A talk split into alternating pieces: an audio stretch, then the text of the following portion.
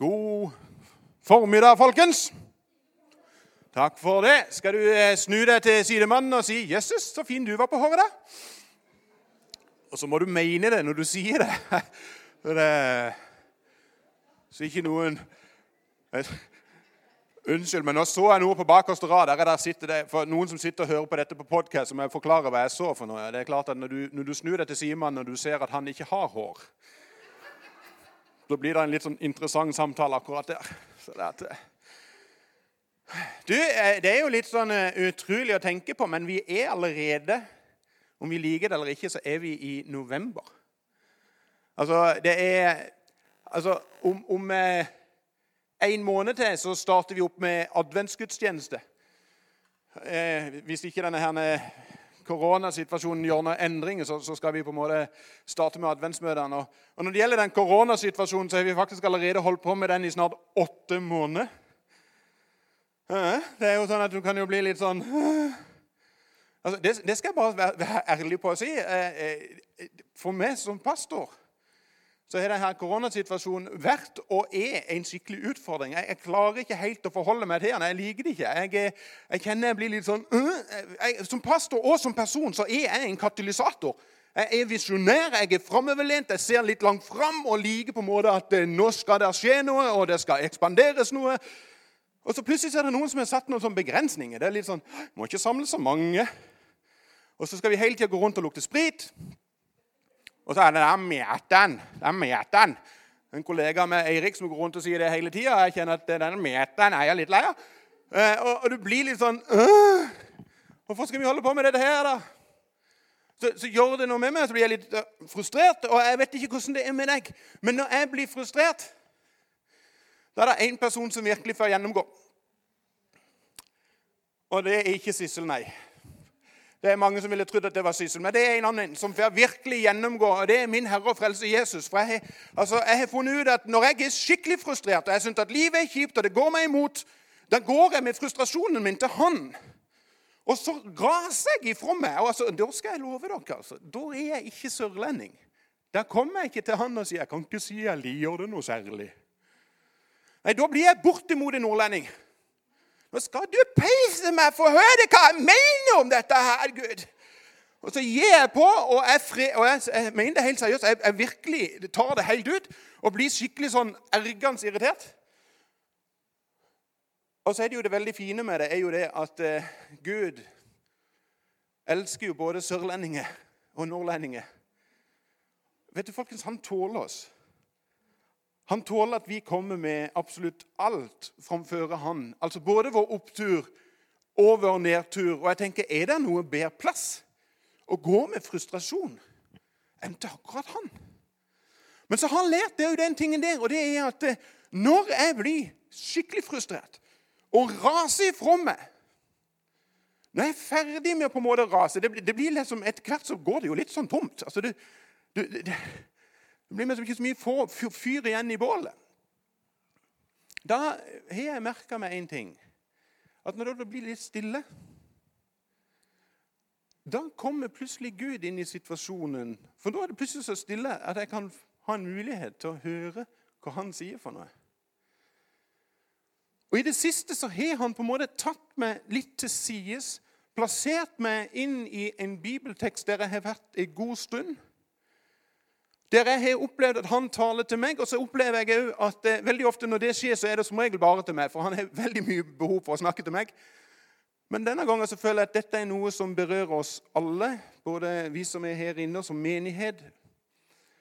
Og som er en bibeltekst som eh, jeg kjenner utfordrer meg. Men jeg tror av og til at det er noen sånne tilfeller der Gud tar oss litt til sides fordi at han ønsker å lære oss noe der han ønsker å forme noe i oss. Og jeg tror kanskje spesielt i den tida som vi er akkurat nå. Der ting er på en måte litt annerledes. Kanskje det er akkurat i denne tida her. At Gud kan få lov til å snakke til oss på en spesiell måte. Fordi at han ønsker å forme noe i våre liv. Hvis du er med deg i Bibelen, så skal du få lov til å slå opp i eh, Gamle testamentet. Og Vi skal inn i en bibeltekst der Der, der vi, vi skal bare lese et lite avsnitt. Men jeg vil anbefale deg når du kommer hjem, så leser du noen av kapitlene før, og så leser du dette kapitlet, og så leser du noen kapitler etterpå, sånn at du får litt sammenheng. Og Boka vi skal inn i, heter Josva. Og For at du skal få en liten sånn sammenheng, så er Josvas bok den ligger etter første, andre, tredje, fjerde, femte Mosebok. Og så vi kommer til Josfa. Og Det som er skjedd, det er at eh, Moses har ledet israelsfolket ut av Egypt. Og Sammen med Gud så har han ledet dem gjennom Sivsjøen, ut i en ørken. Og Der begynner de å gjøre ting som ikke de skulle ha gjort. Og så begynner de på en ørkenvandring i 40 år. Der eh, Gud fortsatt forsørger dem. Men de kommer liksom ikke noe lenger heller enn at de blir værende i en tilstand. Fordi at Gud holder på å forme noe i dette folket. Og til slutt så kommer de til Jordanselva, på vei inn til løfteslandet. Og nå er det en ny generasjon som står med ei elv. Generasjonen før har dødd ute i ørkenen. Det står en ny generasjon, og det er en ny leder. Moses er òg død. Og nå står Josva fram som leder. Og han skal lede israelsfolket. Så er det bare det at det der står en, en enorm hindring i de sin vei. En elv som flyter over alle sine bredder. Og så skjer det noe i den settinga som vi skal se på i dag, og vi skal også se på det neste søndag. Så hvis du har med deg Bibelen, så skal du få lov til å slå opp i Josva kapittel 3. Og så skal jeg lese det rett ut ifra min bibel, så hvis det Håvard som sitter på det tekniske, kan eh, skifte slide etter hvert, Da kan jeg ha ei hånd fri. Kapittel 3. Der kan vi lese følgende. Tidlig neste morgen brøt Josva og alle israelittene opp fra Shittem, og de kom til Jordan. Der sto de leir før de krysset elven. Etter tre dager gikk tilsynsmennene gjennom leiren og befalte folket. Når dere ser at levittprestene løfter opp Herren deres Guds paktskiste, skal dere bryte opp og følge etter den. Men hold en avstand på omtrent 2000 alen. Kom den ikke for nær. Slik kan dere vite hvilken vei dere skal gå, for dere har aldri gått denne veien før. Josva sa til folket, gjør dere rene og hellige. For i morgen vil Herren gjøre under blant dere. Og til prestene sa han, løft opp pakkisten og gå over elven, elven foran folket. Da løftet de pakkisten opp og gikk foran folket.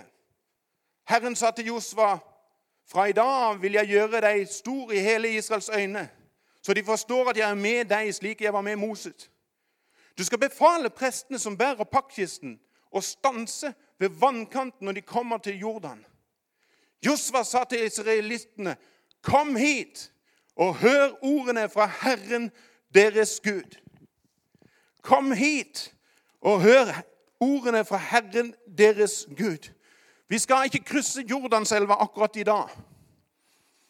Vi skal lære noe før vi krysser. Så Neste søndag så skal vi ta en liten tur over i elv. Men akkurat i dag så har jeg lyst til å peke på noen helt andre ting som Gud har rørt med i mitt liv, og som jeg tror trenger å røres med oss alle i hop. Og vi skal gjøre noe som vi ofte gjør før vi skal ut på en reise. Jeg gjør iallfall det. Jeg hadde en liten sånn rundreise nå i sommer med bil. Og eh, Da eh, tok jeg eh, rett og slett og eh, hadde en sjekk på bilen før vi reiste. Sånn at jeg visste at denne her bilen her er i stand til å gjøre det han skal. For med jevne mellomrom så er det jo sånn at våre liv opplever at det av og til kommer noen hindringer. Det skjer med en, en, en ny tid, et lite veiskille, om du vil. Og vi møter ting som vi på en måte ikke har opplevd før. Altså for Når du flytter fra en by til en annen by, og det blir nye utfordringer akkurat på det. Eller når du går fra singel til at du blir kjæreste, og så blir du gift.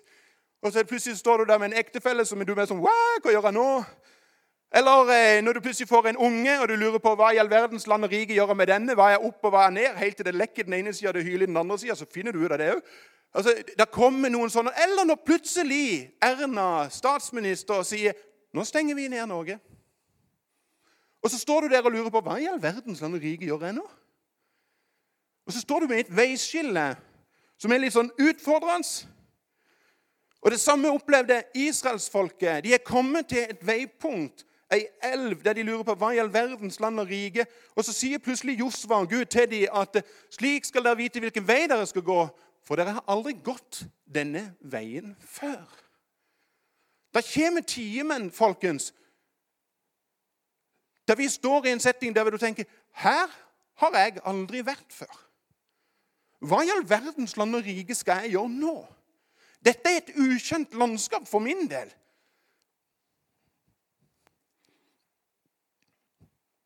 Det er liksom som at Gud av og til i sånne situasjoner pirker litt borti oss.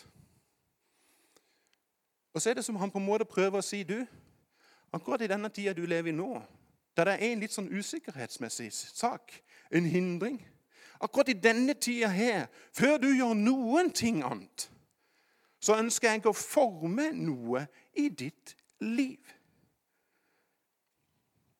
Når alt føles litt sånn tågete ut, og du ikke er som vet helt opp ned på noen ting,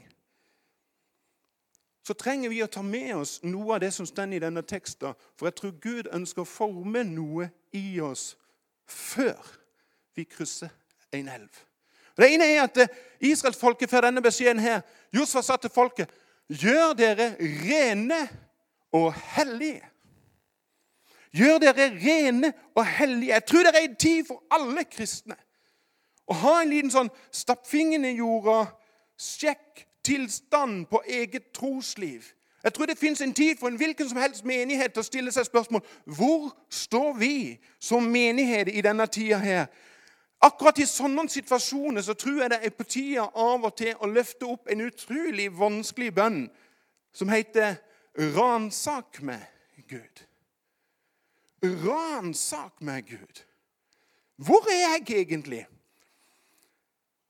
Det er en bønn som jeg av og til ber for min egen del. Og Som pastor så trenger jeg å be den ganske ofte. For skal jeg. jeg skal ikke legge skjul på at det å stå framfor så bra, fine folk som akkurat her, det kan fort utfordre. Innimellom så stopper jeg opp og så spør jeg meg sjøl, Tore Er du pastor fordi det trigger ditt eget ego? Fordi at det, det gjør noe med et menneske at noen kommer bort til deg og klapper deg på skuldra og sier 'Det er bra, Tore. Godt jobba.' Og så kjenner en litt sånn at 'Ja, det var det jo. Jeg gjorde jo egentlig en ganske god jobb.' Ikke rart de er fornøyd med meg sånn som jeg ser ut.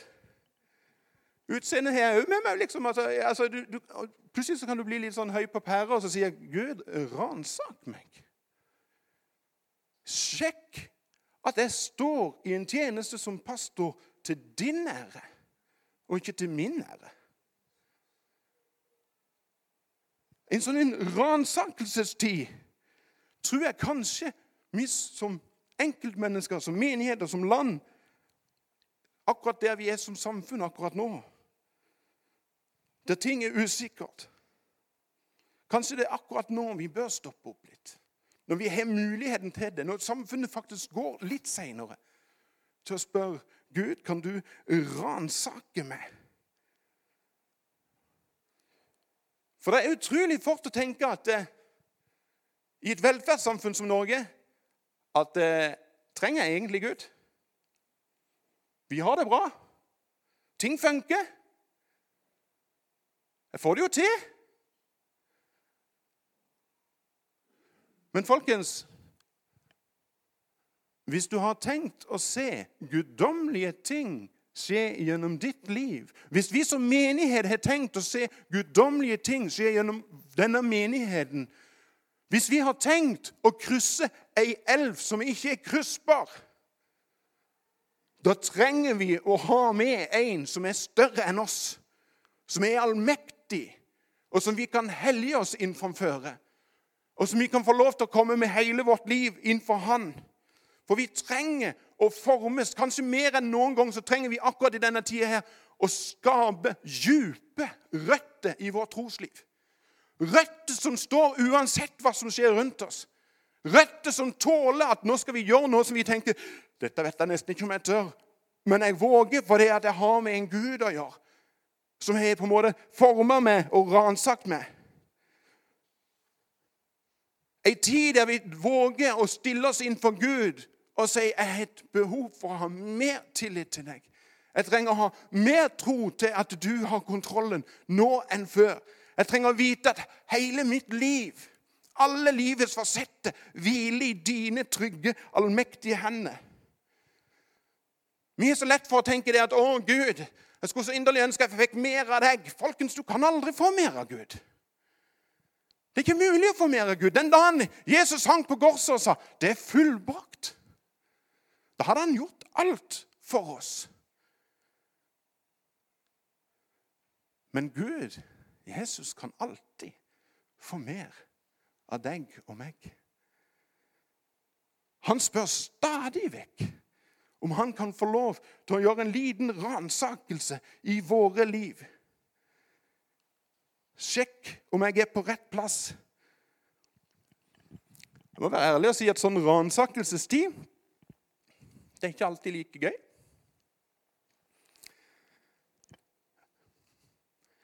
Jeg har selv opplevd å bli ransaka skikkelig en gang. altså. Jeg var på flytur sammen med min fru, og vi landa i Amsterdam, i Schiphol. Kom til sånn sikkerhetskontroll, og Der sto der en sikkerhetsfyr. Altså, Han var 2 meter og 22 høy, brei som ei låve, full av muskler. og Så kikket han på meg med et utrolig skarpt blikk. altså sånn, You, step out of the line! Og jeg bare, Ja, ja, ja, ja, ja. Og så naila han meg opp etter en vegg der. Og jeg skal love det, han ransakte hver millimeter av meg. Mer enn jeg noen gang har blitt ransaka før. Og det var ikke mye gøy. Der gikk jo folk der. Folk så hva han holdt på med. Og det var ikke noe bedre at kona sto fire meter bort forbi og lo så hun grein av synet. Av at nå blir mannen virkelig klatta på. Og jeg følte det ydmykende. Jeg syntes ikke det var moro. Men folkens, jeg er utrolig takknemlig for at det fins folk som denne her fyren her. Som faktisk har mandat til å ransake folk.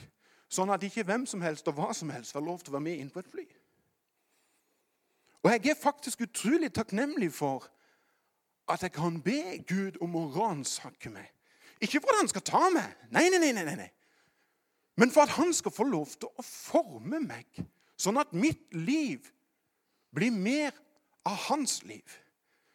Sånn at min situasjon skinner ut hva han har gjort i mitt liv.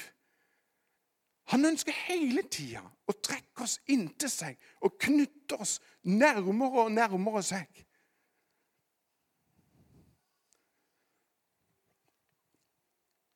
Og Når han gjør det, så er det én ting til vi skal lære ut av teksten. Og det er dette her. Og til prestene sa han Løft opp paktkisten og gå over elven foran folket. Da løftet de paktkisten opp og gikk foran folket. Vet du noe? Gud går foran. Gud ønsker å lede oss som enkeltmennesker. Og han ønsker å lede oss som menighet. Hvorfor? For han vet det kommer ei elv vi skal krysse. Der han vet at vi trenger å ha hans fulle tillit. Der han vet at vi trenger å hvile fullt og helt på hva han har gjort for noe. Han vet at vi trenger å ha sterke røtter. Vet du noe? Jesus sier dette her det samme. Mine sauer hører min stemme. Jeg kjenner dem, og de følger meg. De fleste her inne vil ofte tenke det at ja, ja, ja. Jesus leder meg. Men siden vi er inne på det med ransakelse Får han lov til å gjøre det i alle livets fasetter? Er det noen ting vi av og til sier ikke akkurat der, Jesus. Der ønsker jeg ikke at du skal lede meg.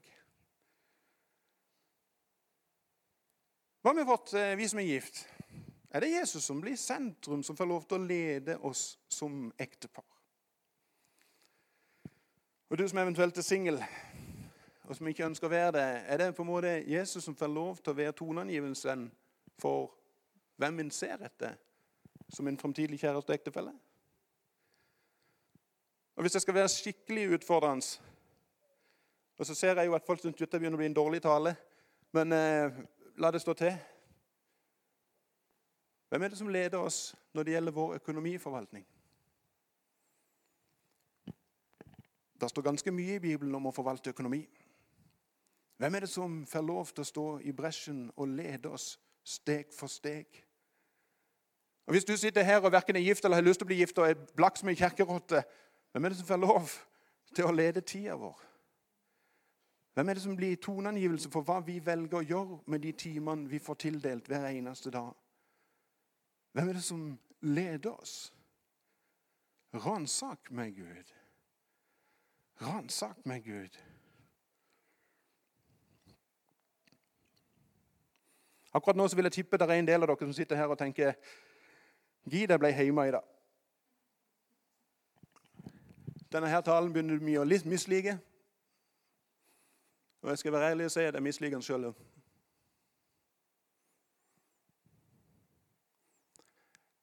Jeg syns det er vanskelig å bli ransaka.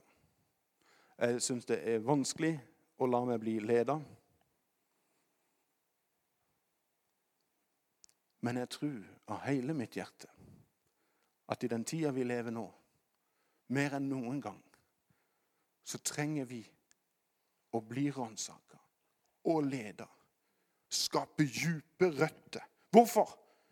For jeg tror virkelig at vi som menighet er på vei til å krysse ei elv der vi er totalt avhengig av at det er Gud som går foran. Vi kan drifte en menighet. Det er ikke noe problem å drifte en menighet. folkens. Null problem å drifte en menighet. Men hvis vi som en menighet har tenkt å se Gud gjøre større ting gjennom oss enn det vi noen gang har drømt om, så trenger vi å stå 100% fast, rotfesta i Hans ord. Og stole fullt og helt på at Han skal gå foran oss. Og vi skal lite på at Han går foran oss. Da trenger vi å bli ransaka. Da trenger vi å være sikre på at det er Han som leder oss. Om vi liker det eller ei. Og vet du noe? Jeg tror virkelig det. Og jeg tror av og til Det gjelder ikke bare for oss som menighet, men oss som enkeltmennesker. Så har vi av og til en del elver som Gud ønsker at vi skal krysse. Vi kaller det ofte for noen sånn komfortsonegrense. Jeg trives best i min egen komfortsone. Og det gjør sannsynligvis du òg.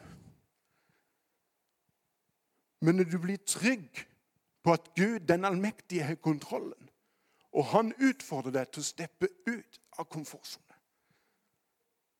Da er vi ute og krysser en elv. Og Det skal vi begynne på med neste søndag. Men akkurat nå så trenger vi å ta inn over oss at han holder på å forme oss og danne oss og skape en hellighet i oss. For han går foran oss. Åssen er det med dine røtter? Åssen er det med mine røtter i vårt trosliv? Er jeg et kar som får lov til å bli forma av mesteren sjøl? Et kar som blir et ærens kar for han? Eller jeg har funnet ut at det er best å holde han litt på avstand, sånn at jeg kan få lov til å ha det mest mulig bedagelig? Jeg er nokså sikker på at det var en del av israelsfolket som tenkte, når de hørte at nå skal de ut på vandring enda en gang, og de ser at det står ei svær Jordanselv foran dem, så var det noen av de som tenkte Kan vi ikke bare bli værende? Jo, slått leir. Vi har det bra. Og så begynner Josfa gjennom Guds, med Guds stemme og si Ransak oss. Rens oss. Bli hellig og se at Gud leder. Så min bønn for oss alle her inne fram til neste søndag, og kanskje i tida som gjenger framover, er en bønn som Paulus har skrevet. Som vi skal avslutte med, der det stender dette Må Kristus ved troen bo i deres hjerte, og dere stå rotfestet og grunnfestet i kjærlighet. Må dere sammen med alle de hellige bli i stand til å fatte bredden og lengden, høyden og dybden, ja, kjenne Kristi kjærlighet, som overgår all kunnskap. Må dere bli fulgt av hele Guds fylde, Han som virker i oss med sin kraft og kan gjøre uendelig mye mer enn det vi ber om og forstår. Ham være æren i kirken og i Kristus Jesus gjennom alle slekter og evigheter. Amen. Amen. Jesus, jeg takker deg for det at vi kan få lov til å bli utfordra av deg av og til. Til å la vårt liv bli et hellig liv. Ransak oss.